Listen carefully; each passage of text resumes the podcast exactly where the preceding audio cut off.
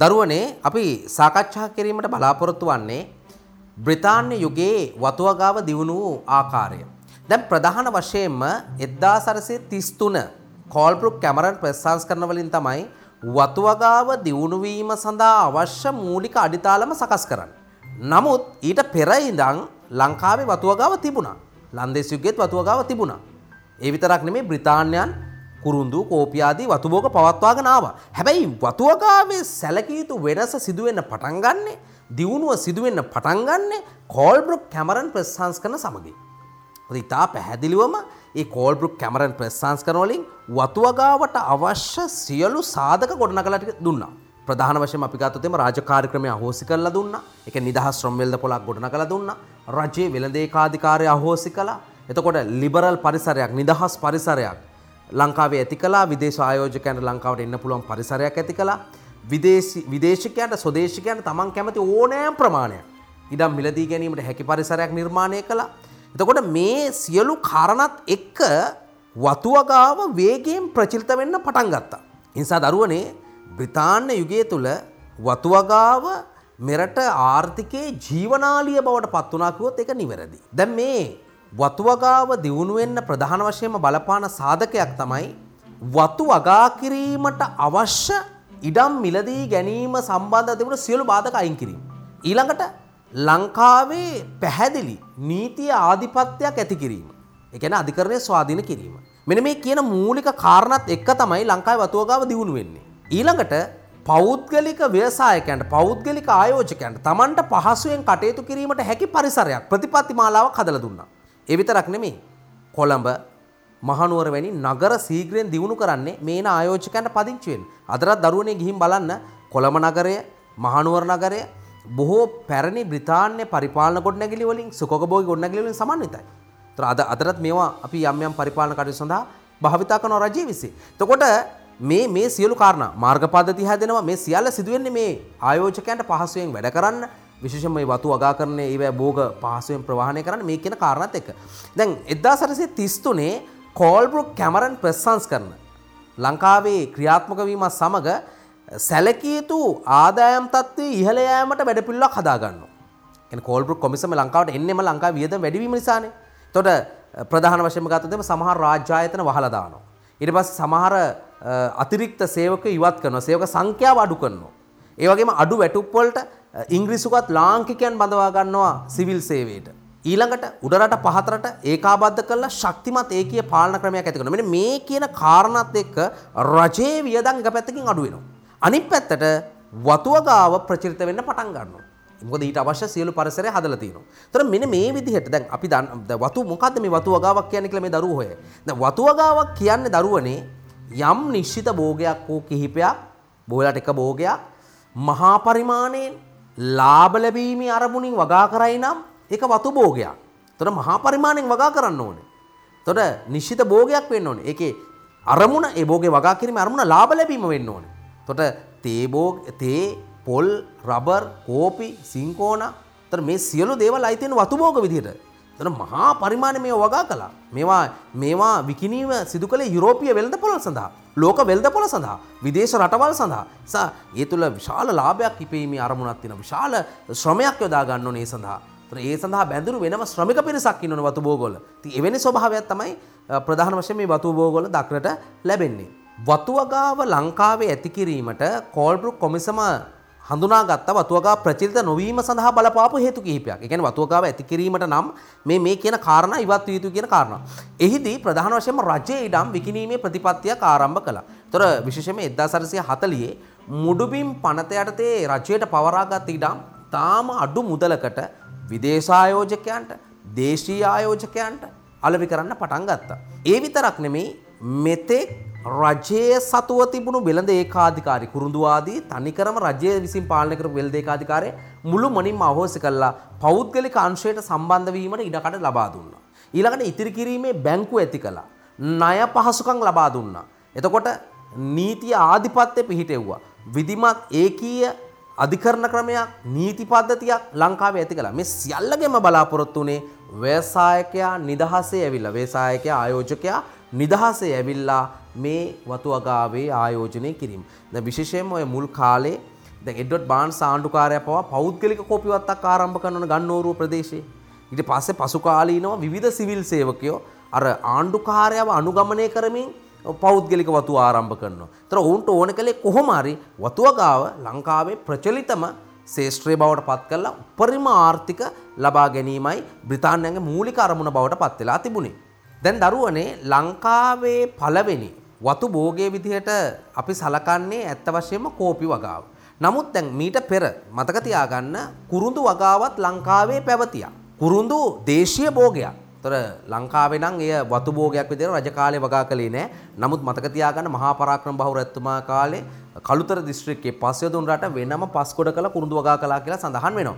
නමුත් ලංකාවට ලංකාවේ විශාල ජාතික ආදායමක් ලැබුණු භෝගයක් තමයි ඒ කාලේ කුරුඳු වගා. තොර ලන්දේසින් යුගයේ අනිවාර්ය සේවා රාජකාරී ක්‍රමේ පවා යොදාගෙන කුරුඳු වගා කළා. තොර ප්‍රධාන වශයෙන්ම ඇවරිවත්ත, කදිරාන, එතකොට කුරුඳුවත්ත, ගාල්ල මේ කියන ප්‍රදේශවල විශාල වශයෙන් කුරුඳු වගා කළා. ඉතින් බ්‍රිතාන්‍යයෝ කුරුඳු වගාව ඉස්සරහට ගෙනිච්චා. හැබැයි යම් නිශ්චිත කාලයක ලෝකේ කුරුඳු වේගයෙන් නිෂ්පාදනය කිරීම වැඩි වශයෙන් නිෂ්පාදනය කිරීම මේ කැසියා කියන අතිරේක ශාකය වැවීමට මිනිස්සු පෙළඹීම මේ කියන හේතු මත කුරුඳු වගාව අඩපණ වෙන්න ගත්තා.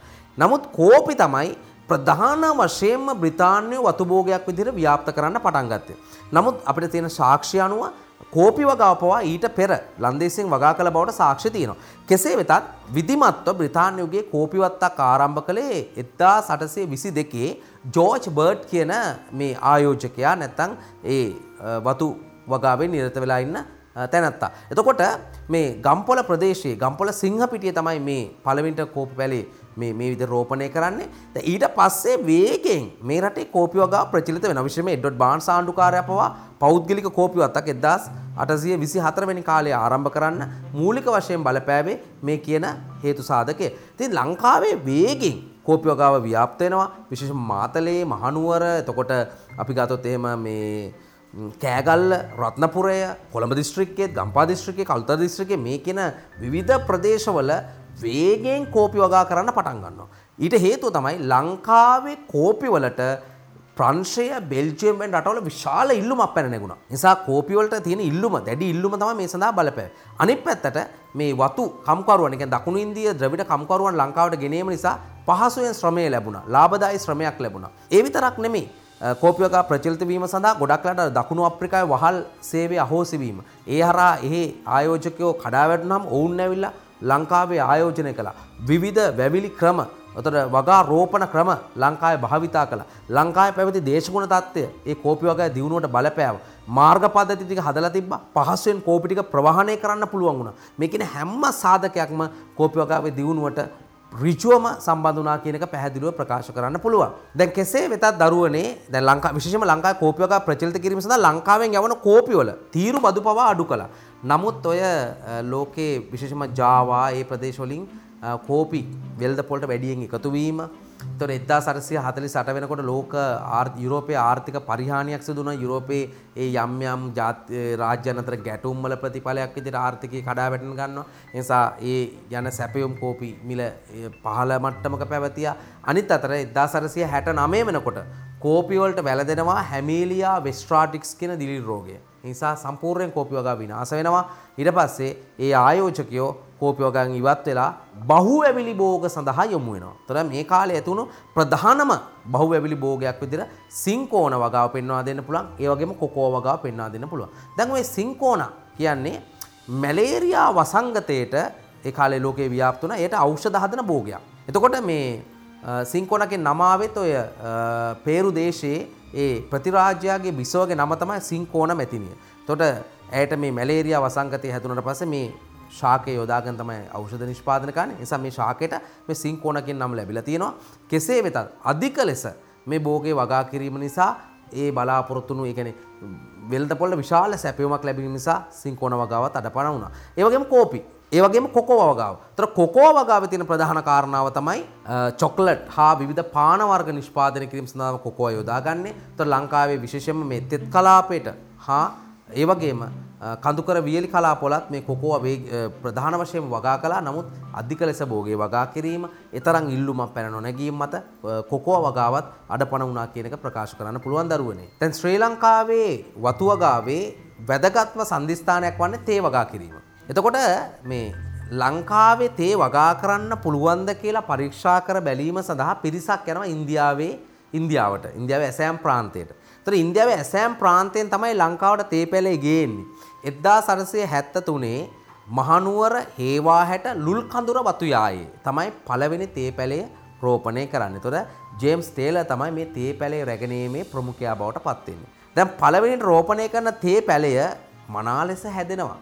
විශාල අස්වැන්නක් ලැබෙනවා. නිසා තේ වගා කිරීමට හැකි පරිසරයක් ලංකාවේ තියෙනවා කියන කාරණාව මනා ලෙස ඔප්පු වෙනවා. ඒ වගේම ලංකාවේ තේ ගුණාත්මක බවෙන් ඉහළ යනවා. ඉතින් මේ தત્ත්වය මත තේ වගාව ප්‍රචලිත වෙන්න පටන් ගන්නවා. විශාල වශයෙන් තේ වතු ලංකාව පුරාම ඇති වෙනවා. අපි වෙන් කළොත් එimhe උඩ රටේ පහත රට එතකොට මැද රට මේ කියන සෑම ප්‍රදේශයකම තේ වගාව ව්‍යාප්ත වෙනවා. විශේෂයෙන්ම නුවරඑළිය දිස්ත්‍රික්කය, බදුල්ල දිස්ත්‍රික්කය, මහනුවර දිස්ත්‍රික්කය, එතකොට රත්නපුර දිස්ත්‍රික්කය, කෑගල්ල දිස්ත්‍රික්කය, කළුතර දිස්ත්‍රික්කය මේ කියන දිස්ත්‍රික්කවල විශේෂයෙන් මේ වගේම ගාල්ලේ ගාල්ල හා ඒ මාතර කියන දිස්ත්‍රික්කවල රට ඇතුළ කොටස් ටික. එතකොට මේ වගේ ප්‍රදේශවල වේගයෙන් තේ වගාව ව්‍යාප්ත වෙන්න පටන් ගන්නවා. එතකොට වාර්ෂික වර්ෂාපතනය මිලිමීටර් 2000ට වැඩිවීම ඉතාම වැදගත් වෙනවා. ඊට පස්සේ මේ උන්නතාංශය නැත්නම් මේ කඳුකර ප්‍රදේශයක් මේක ජලය පසේ නොරැඳී තිබීම ඉතාම වැදගත් වෙනවා. මේ කියන කාරණාත් ඒ පවතින උෂ්ණත්වය මේ කියන සියලු සාධක බලපානවා තේ වගාව දියුණුවීම සඳහා මේ භූගෝලීය සාධක නැත්තම් ස්වභාවික සාධක ලෙස.